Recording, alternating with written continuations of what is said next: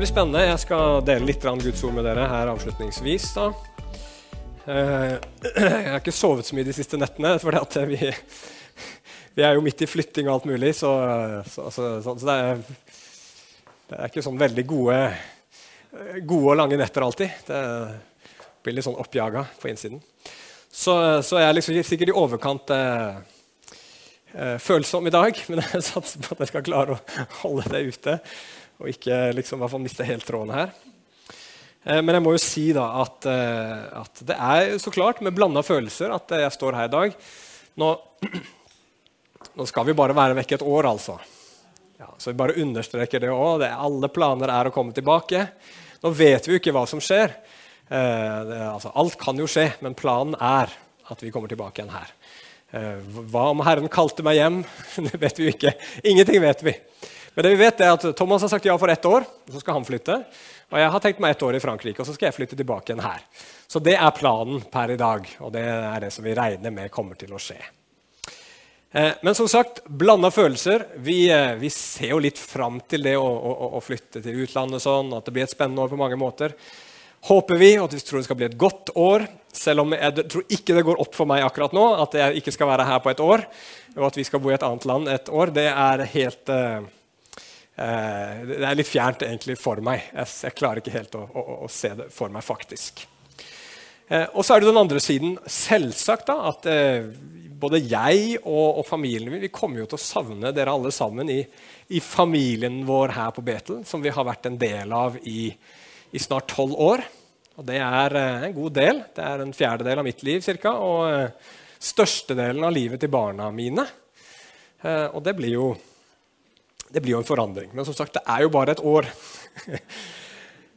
og så er det jo også sånn at Når man forlater et fellesskap som man selv har hatt ansvar for, en periode, så kjenner man jo på en sånn en viss usikkerhet og stiller seg selv spørsmålet ok, hvordan skal dette gå. Det kan hende at noen av dere også sitter og tenker og har noen sånne lignende spørsmål. Hvordan kommer dette til å gå når ting nå blir annerledes? Antageligvis kommer det til å gå veldig bra. Det er jeg nokså sikker på, og, og, annet fordi jeg tror vi har en veldig god kandidat å ta over her. Eh, og som jeg har sagt eh, til en del av dere, kanskje det går så bra når Thomas er at dere ikke har lyst til å ha oss tilbake. Det vet vi jo aldri. At, at eh, kanskje Thomas får et tilbud han ikke kan si nei til. så det kommer nok til å gå bra. Men jeg har ikke lyst til å bare etterlate dere med et såpass overfladisk svar som det. Det går nok bra. Men jeg har lyst til å dele med dere et vers som vi finner i eh, Paulus sin avskjedstale til de eldste i Efesos i Apostlenes gjerninger 20. Og så er det bare vers 32 vi skal lese der. Det er en veldig flott og en innholdsrik tale med masse eh, vi kunne sagt noe om, men jeg har lyst til å bare fokusere på dette ene verset og noen tanker jeg har som jeg tror Gud vil si gjennom det. Så det er Apostlenes gjerning som sagt 20 og så er det vers 32.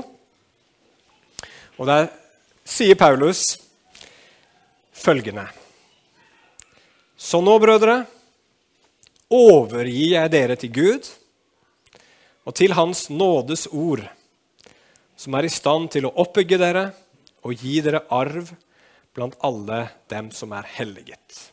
Det skal vi snakke litt om i dag. La oss bare be litt sammen før vi går inn i det. Kjære himmelske Far. Takk at du er her nå. Takk at du er vår gode, trofaste Gud. Fundamentet for absolutt alt. Herre, det er deg dette handler om. Det er du, Jesus, som er sentrum og midtpunkt. Og alt dreier seg om deg og sentreres rundt deg. Og Herre Jesus, jeg bare ber om at du skal bli stor nå. Jeg bare ber om at jeg må få lov å si noen ord nå, Herre Jesus, som kan være til formaning og trøst og gi retning, Herre Jesus, for for dette året, Herre, hvor vi skal være vekke, og Thomas skal være pastor Jesus. Og med alt som, som, ligger foran i det året som kommer. Det vet bare du, Gud. Men Herre, takk at vi kan legge det i dine hender. Og bare be om at eh, du må gi meg å tale ditt ord nå i Jesu navn. Og alle sammen at vi har åpne hjerter for å ta imot. Amen. Så nå får dere en siste tale fra meg med en, overs med en overskrift og punkt, tre, ja, fire punkter er det faktisk i dag, så nå går jeg litt utenfor allfarvei her. Håper det går bra. Men tittelen min i dag er rett og slett 'Overgitt til Gud'. Overgitt til Gud. Jeg har lyst til å bare snakke om overgivelse for det første til Gud, og så overgivelse til Gud og Hans ord, til Guds ord. Og så punkt nummer tre Gud og Hans nådes ord.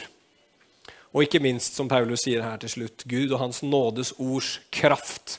Så de fire tingene jeg har lyst til å snakke om nå. Gud, Gud og Hans ord, Gud og Hans nådes ord og Gud og Hans nådes ords kraft. Der er det mange genitiv i den siste setningen, så det er nesten så jeg får eh, krøll på tunga her. Men la oss snakke om overgivelse til Gud først. I Paulus sin tale her så er det litt mer dramatikk enn hos oss i dag. For Paulus han forteller dem faktisk at de aldri skal se hans ansikt mer. Dette her var siste gang de så han. Så det var litt annerledes enn det er her i dag. Antageligvis kommer dere å se mitt blide ansikt på Facebook om ikke så veldig lenge. For jeg tenkte jeg skulle sende en, en sånn liten filmsnutt på Facebook-gruppa vår når vi kommer ned, så dere ser hvor vi skal bo, og få litt innsyn i det. Så dere skal få sett mitt ansikt igjen hvis ikke Herren kommer igjen i mellomtiden. da, så klart. Men ikke nok med det. I menigheten i Efesus så vet Paulus ved eh, Guds åpenbaring eh, at det skal komme glupske ulver inn, står det, som har som mål å føre flokken bort. Og hva gjør Paulus i den ganske spesielle, dramatiske situasjonen hvor han skal reise vekk, og menigheten skal da liksom klare seg eh, på egen hånd, i hermetegn. Jo, han prøver jo så klart da å forberede dem på det, men når alt kommer til alt, så overlater han dem til Gud. Han overgir dem til Gud. Og når alt kommer til alt, så er det det vi alle sammen er nødt til å gjøre i våre liv. Om det er familiene våre, om det er landet vårt, om det er menigheten vår. Vi har ikke kontroll. Vi har ikke kontroll på nåtiden. Ingen her har full kontroll på sitt eget liv og sin egen nåtid. Og langt mindre har vi kontroll over framtiden vår. Men vi kan trygt overgi det til Gud. På grunn av at Gud han har to kjempeviktige egenskaper. For det første så er han allmektig. Han kan alt. Det er ingenting som er umulig for han. Og for det andre så er han god. Han er fullkomment god. Og en allmektig og fullkomment god Gud, han kan vi hvile trygt hos. Eh, I, i våres så leste jeg en kristen lederskapsbok som skulle ja, hjelpe ledere som var litt stressa, hadde litt høye, høye skuldre. Og sånt. Og da innleder denne forfatteren boka ved å si følgende Gud trenger deg ikke. Gud trenger oss ikke. Fordi at han er Gud. Han trenger ingen, og han trenger ingenting. Per definisjon så trenger ikke Gud noen. Han trenger ikke min innsats. Hans rike består om jeg skulle svikte. Han trenger ikke mine bønner, for han kan gjøre langt utover det vi ber eller forstår. Vi trenger han, men han trenger ikke oss. Betyr det at vi ikke trenger å gjøre noe, da? Selvsagt ikke. For Gud vil ha oss med i sitt arbeid. Han vil ha våre bønner. Han vil at vi skal være med og stå på og gjøre det vi kan. Men når alt kommer til alt, så hviler det heldigvis ikke på vår innsats og på våre bønner. Det er jo noen ganger bønnelivet litt, eh, er litt labert. Er det ikke det? Noen som kan vitne om det? Det er veldig godt at ikke, at ikke ting liksom hviler på det bønnelivet da. Det hviler på en som er litt mer solid enn akkurat det. Vi er helt trygge når vi overgir ting til Gud, for det fins ingenting han ikke kan, og han vil bare gode ting. Og Det er fantastisk bra at Thomas har sagt ja til stillingen som pastor. Og som sagt før, jeg tror at han kommer til å gjøre en god jobb. Men når alt kommer til alt, står og faller ikke denne menigheten på Thomas. Heldigvis. Noen syns kanskje det er dumt at jeg reiser, men heldigvis. Når alt kommer til alt, så står og faller ikke denne menigheten på meg heller. Den står ene og alene fordi Gud holder den oppe. Og der kan vi ha vår tillit. Og Jesus han sa sjøl i Matteus 16, vers 18.: Jeg vil bygge min menighet, og dødsrikets porter skal ikke få makt over den. Det er Jesus som bygger sin menighet. Og ingen kan stoppe han, ingen kan hindre han. Ingen kan stå i veien for han og ingen er uunnværlige i det som han gjør. Heldigvis. Så Derfor sier Bibelen til oss i Filipperne 4,67.: Vær ikke bekymra for noe, men la i alle ting deres bønneemne komme fram for Gud. i bønn og påkallelse med takksigelse. Og så står det at Guds fred, som overgår all forstand, skal bevare deres hjerter og deres tanker i Kristus Jesus. Hvordan kan vi ha denne freden? Jo, fordi vi vet at Gud er allmektig, og Gud er god. Og da kan du ha fred i alle situasjoner. Så overgivelse til Gud, denne menigheten her, er i Guds hender. Punkt nummer to Gud og hans ord. Så Paulus han, han er mer spesifikk enn som så. Han sier ikke bare 'jeg overlater det til Gud', men han sier 'jeg overlater det til Gud og hans ord'. Og I sitt brev til Timoteus, som vi leste litt eh, fra i stad, det andre brevet I innsettelsen leste vi fra det, så står det fra eh, kapittel, 2, vers, nei, unnskyld, kapittel 4, vers 2-5. Forkynn ordet, sier Paulus til Timoteus. Vær rede i tide og utide. Overbevis, irettesett, forman med all tålmodighet og undervisning. For den tid kommer da de ikke skal holde ut den sunne lære.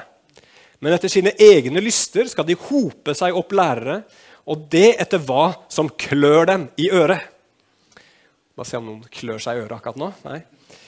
De skal vende ørene sine bort fra å høre sannheten, og de skal vende seg til eventyr. Men vær du på vakt i alle ting. Lid ondt. Gjør en evangelists gjerning og fullfør din tjeneste. Alle som kjenner meg litt, de vet at jeg er veldig opptatt av at vi må følge Bibelen i alt det den sier. Både det vi forstår og liker, og det vi har litt problemer med å forstå, og det vi syns er utfordrende. Jeg ønsker at vi skal følge Bibelen på, i alt det som den slår fast og sier vi skal gjøre. Det betyr ikke at vi driver med omskjærelse og sånt i Det gamle testamentet, som Det nye testamentet sier er oppheva. Men det som Bibelen sier nå, er gyldig for oss. Og sant og rett og godt, det skal vi følge. Selv når vi ikke forstår. Selv når det føles utfordrende for oss. Og jeg er veldig glad for at Thomas han deler den overbevisningen med meg. Vi følger Guds ord uansett. Og hvorfor er det så viktig? Jo, det er viktig fordi Gud, han er Gud. Han er uforanderlig, han er fullkommen. Og han er det vi kan kalle den ultimate virkelighet. Og hva mener jeg med det? Jo, det blir litt som tyngdekraften. Jeg har brukt den sammenligningen før, men jeg syns den er så god. Tyngdekraften er der uansett, den. Om du tror den er der eller ikke, så er den der. Om du mener det ene eller det andre om tyngdekraften, så forandrer ikke det den en millimeter. Og vi alle sammen blir enige her på Betel om at tyngdekraften kan aldri være farlig så gjør ikke det noe som helst forskjell på hva tyngdekraften er. Man kan ha alle slags mulige tanker og mening om tyngdekraften. Og det kan gå helt fint, helt til du møter tyngdekraften ansikt til ansikt. F.eks. på toppen av en stige som begynner å skli. Da har det ikke noe å si hva du tenker om tyngdekraften. Da har det noe å si hva tyngdekraften er. Og det får man som oftest merke ganske godt i det vi ramler fra toppen av en stige. Og sånn er Gud også. Man kan ha mange meninger om hvem Gud er, men det forandrer ikke på Gud. Han er en absolutt virkelighet. Han er uforanderlig. Han er den han er. Han kan ikke forandre seg, han bør ikke forandre seg heller, for han er definisjonen på godhet og sannhet og rettferdighet. Han er! Og Du kan fornekte han hele livet ditt, du kan ha dine egne ideer om hvem han er, men Bibelen sier at på et eller annet tidspunkt så skal vi alle sammen møte Gud ansikt til ansikt. Og da blir alle våre meninger fullstendig irrelevante. Det er det eneste som teller, hvem Gud er. Og, hvis, og Bibelen sier det, hvis vi ikke på den dagen har tatt på alvor hvem Gud er, så går det ikke bra. Det går ikke bra. Og så er spørsmålet hvor finner vi da sannheten om Gud? Finner vi den informasjonen i våre egne følelser, i vår store intelligens, i samfunnets forskning og, og, og, og kunnskap osv.? Vel, det fins noen bruddstykker av sann informasjon om Gud rundt omkring, men den er ikke pålitelig. Og vi vet ikke hva som er sant, og hva som er rett, og hva som er galt. Gud vet hvem han er. Og for at vi skal vite hvem han er, så må han åpenbare det for oss. Og det er det denne boka her er. Det er en åpenbaring fra Gud. Han viser oss hvem han er. Han viser oss hvem vi er, han viser oss hvordan den verden her henger sammen. Og Bibelen er, som den sjøl sier, et skarpt sverd som trenger tvers igjennom alt. Rett inn i hjertet vårt. Og alle våre illusjoner om vår egen godhet og fortreffelighet og storhet. La meg bare sitere noen oppmuntrende vers fra Romerne 3, 10-12, som du gjerne må skrive opp og henge på kjøleskapet ditt med et fint bilde av en blomst. Det står det er ikke én rettferdig, nei, ikke en eneste. Det er ikke én som er forstandig. Det er ikke én som søker Gud. De har alle bøyd av, alle sammen er de blitt fordervet. Det er ingen som gjør godt, nei, ikke en eneste. Halleluja! Guds ord er ydmykende, og det er dømmende. Ikke av vond vilje, men bare fordi det er sant. Og sannheten er noen ganger ganske så ubehagelig. Og det er av den grunn at det på Paulus sin tid og i våre dager fins mennesker som veldig gjerne heller vil ha det som klør i øret. Du er god nok som du er. Gud velsigner selvsagt det du tror skal gjøre deg lykkelig. Gud dømmer aldri, for han er kjærlighet. Men det sier ikke Bibelen. Bibelen sier noe som er mye bedre. Jeg skal komme tilbake i det, noe som er 20 000 ganger bedre enn det. Men Bibelen sier aldri noen av disse tingene der. Men så sier veldig mange mennesker i dag ja, men det er så mange tolkninger. Hvorfor skal vi tro på din tolkning, Magnus? Og Skulle jeg svare på det spørsmålet, så ville det krevd en mye lengre tale enn jeg har tid til her. Men la meg si et par ting. Det er helt klart at Bibelen ikke er like klar på alle punkter. Noen deler av Bibelen er vanskelig å forstå. Det sier til og med Bibelen sjøl. Peter sier det om Paulus. Han skriver noen ting som er vanskelig å forstå, sier han. Så Bibelen er ikke alltid like lett. Men de områdene i dag hvor mennesker kommer med nye tolkninger, det er ikke på de områdene hvor Bibelen er uklar, men det kommer på de områdene hvor Bibelen er klar. Og så er det litt rart da, at det samtidig er sånn at disse nye tolkningene passer helt perfekt med den oppfatningen generelt i verden i dag som omgir oss om en del ting med hva et menneske er, hvordan det burde leve, og det ene og det andre. Og hvis det viser seg at det ikke er så veldig stor forskjell mellom hva du mener Bibelen sier, og hva verden tenker, så kan du være ganske sikker på at du har tolka feil. For hvis, du, hvis det er én ting som er klart i Bibelen, så er det at alle de som stilte seg fram og forkynte ordet fra Gud, om det var profeten i Det gamle testamentet eller apostlene i Det nye, så var budskapet Gud, fra Gud alltid på kant med folks meninger og tanker på den tiden. Det ble alltid konflikt, det ble alltid problemer. Og det ble alltid lidelse for de som var budbringere. Så det er jo fint å vite, Thomas. Og sånn vil det være i dag også. Skal vi være trofaste mot hva, hva, Gud har sagt, så vil det bli konfrontasjon og lidelse. Det betyr ikke at vi liksom skal prøve å få det til for enhver pris. Det betyr ikke at alt vi sier, skal skape konfrontasjon.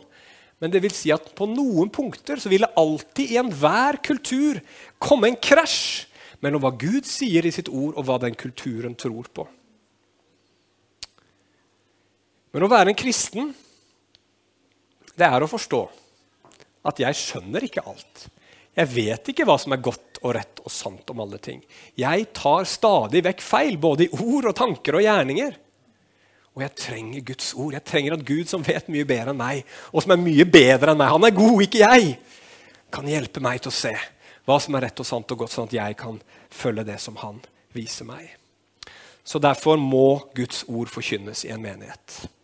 Ikke bare det vi liker, men som Paulus sier et annet sted i denne samme talen. Alt Guds råd må forkynnes til menigheten, sånn at vi kan vite hva Gud vil si, og hvordan Gud vil lede oss. Og Så er det punkt nummer tre Gud og Hans nådes ord. Og For meg så er dette her den aller viktigste grunnen til at jeg vil holde fast på hele Bibelen. For det viser seg nemlig det at når alt kommer til alt, så er det budskapet Gud vil åpenbare for oss, noe som er mye bedre enn vi mennesker hadde kommet på. Og som er helt ufattelig, vidunderlig, frigjørende, levende, godt på alle måter. Og det vi har snakka om så langt, det er på mange måter bare den mørke nattehimmelen som evangeliets stjerner får funkle synlig og klart på. Vi trenger den mørke bakgrunnen av Guds lov og vår egen syndighet for å forstå hva Gud har gjort for oss i Jesus Kristus. For Gud sier at vi er syndere. Gud sier at vi er egoister. Bibelen sier at vi er forderva. Ja, til og med sier Jesus, 'Dere som er onde'. Det er jo oppmuntrende å høre. At vi på alle måter, alle som sitter her inne, er nok verre enn de tror. Og Er du gift, så kan du bare spørre ektefellen din. så kan de helt sikkert bekrefte det. Vi tror ofte litt for godt om oss sjøl når alt kommer til alt. Men Gud, som vet nøyaktig hvem du er, bedre enn ektefellen din for deg som er gift, elsker deg likevel. Og ikke bare litt. Han elsker deg mer enn du kan tørre å håpe på. Han elsker deg mer enn noen andre elsker deg. Han elsker deg så mye at han gikk til korset og åpenbarte hvor intens og ekte den kjærligheten er. Han blødde for deg, han døde for deg. Han ga sitt liv for at du skulle få leve. I begynnelsen av Johannes evangeliet så står det at Jesus, da han kom til jorda, så viste han oss hvem Gud er full av nåde og sannhet. Og så står det videre Og av Hans nåde har vi alle fått. Eh, av Hans fylde har vi alle fått. Unnskyld. Og det nåde over nåde. Dobbel nåde. Og hva er, det, hva er det doble nåden? Jo, den doble nåden er at ikke bare dør Jesus på korset for at noe skal tas bort, nemlig dommen, den rettferdige dommen over vår synd, at, vår, at fortapelsen skal tas bort fra våre liv, ikke bare viser han sin kjærlighet ved å gi sitt liv for sine, ikke bare for sine venner, men for sine fiender. For å ta straffen for oss, for å bli gjort til en forbannelse, for å ta all synd på seg. Han gjør ikke bare det for at vi skal slippe noe, men han gjør det også fordi han ønsker å gi oss noe. Uendelig stort. At Jesus tar dommen vår, det er nåde. Men det Jesus gir oss, det er nåde over nåde. Og Vi har jo nettopp gått gjennom Galaterbrevet, og der er det noen vers som jeg har bare lyst til å lese. Der står det i Galaterne 4,4.: Men da tidens fylde kom, utsendte Gud sin sønn, født av en kvinne, født under loven, for å kjøpe fri dem som var under loven, for at vi skulle få del i barnekåret. Vi skulle bli som Guds barn. Fordi dere er sønner, har Gud sendt sin sønns ånd inn i våre hjerter, som roper 'Abba, far'. Derfor er du ikke lenger slave, men sønn. Og hvis du er sønn, da er du Guds arving ved Kristus. Den revolusjonerende, fantastiske sannheten i Guds nådes ord det er at hvis du tror på Jesus, så er du i Kristus og er, står framfor Gud unnskyld, som om du var Jesus. Like ren og hellig som han. Like elska som han. Like god framtid som Jesus har, har du. For du er i Kristus! Og den samme nære relasjonen til Gud som Jesus har, kan du også få erfare ved Den hellige ånd som kommer inn på innsiden og roper 'Abba, far'. Det er ikke bare teori, men det er noe vi lever.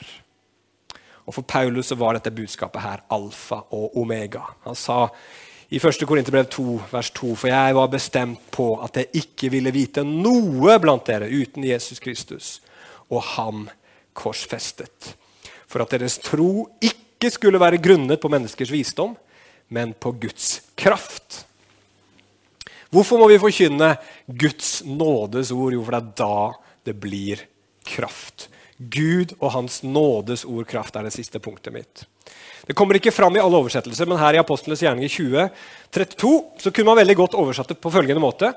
Så nå, brødre, overgir jeg dere til Gud og til Hans nådes ord som har kraft til å oppbygge dere og gi dere arv blant dem som er helliget.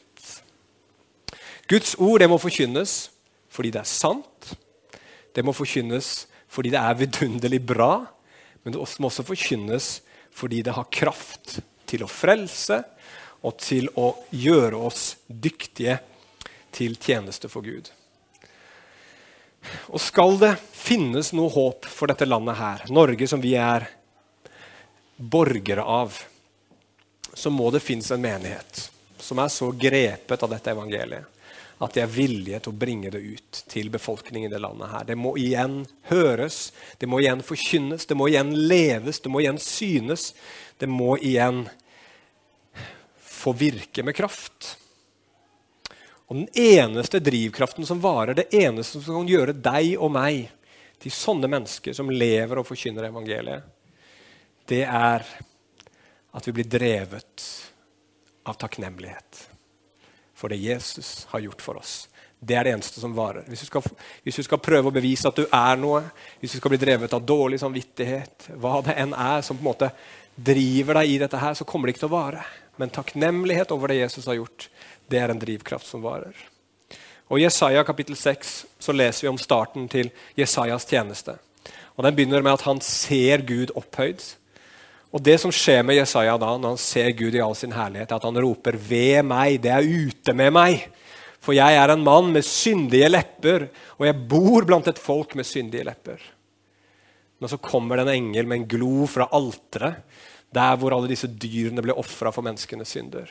Så rører han ved leppene til Jesaja og så sier han, eh, din, skyld, eh, nei, din synd er tatt bort, og din skyld er sona. Hvordan responderer Jesaja da? Hva, hva, skjer med Jesaja når dette skjer i hans liv? Han får både se Guds hellighet og Guds nåde. Jo, han stiller seg fram og så sier han, Gud, Herre, her er jeg. Send meg. Jesus han sa at den som har fått tilgitt mye, elsker mye.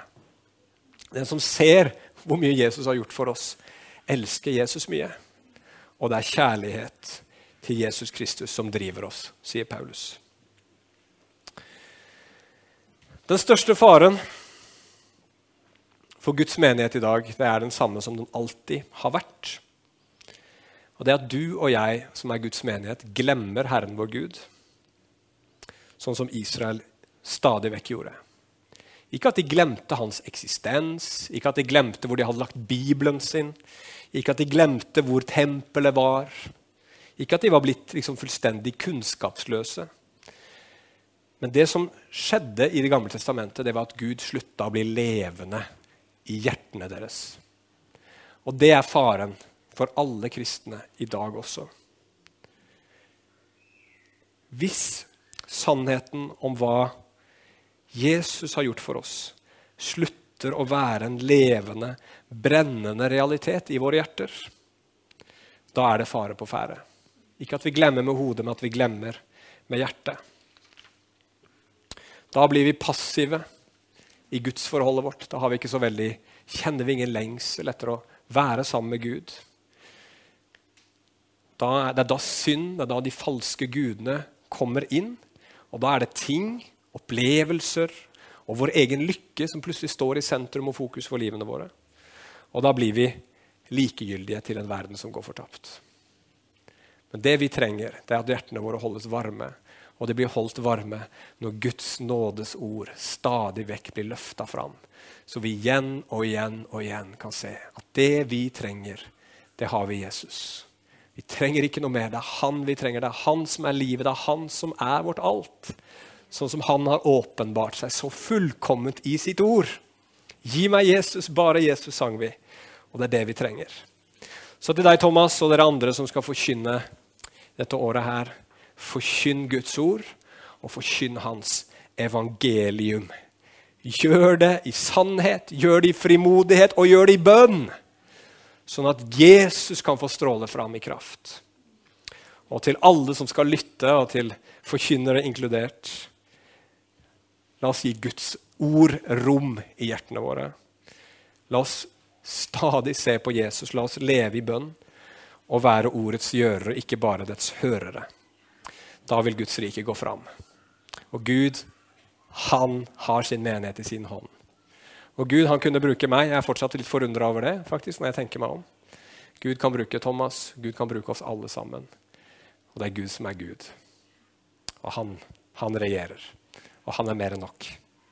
Skal vi be til slutt. Kjære himmelske Far. Takk for at du er her. Og takk at du, du er en uendelig god Gud. Problemet i denne verden er ikke deg, Gud, selv om vi legger skylda på deg hele veien. Men problemet i denne verden er oss, Gud.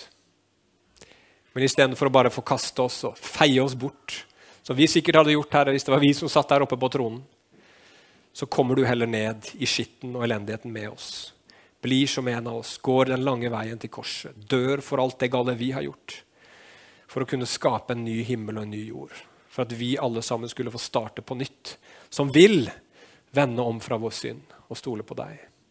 Så Herre Jesus, må du bare komme igjen, Herre, blant ditt folk i dette landet, Gud, og vekke oss opp til å se at det er Jesus som er svaret. Den sanne Jesus, den ekte Jesus. Ikke fantasi-Jesus. Ikke den Jesus vi gjerne skulle ønske vi hadde, men den gode Jesus som vi trenger. Den sanne Jesus, som er både sannhet og nåde. Amen.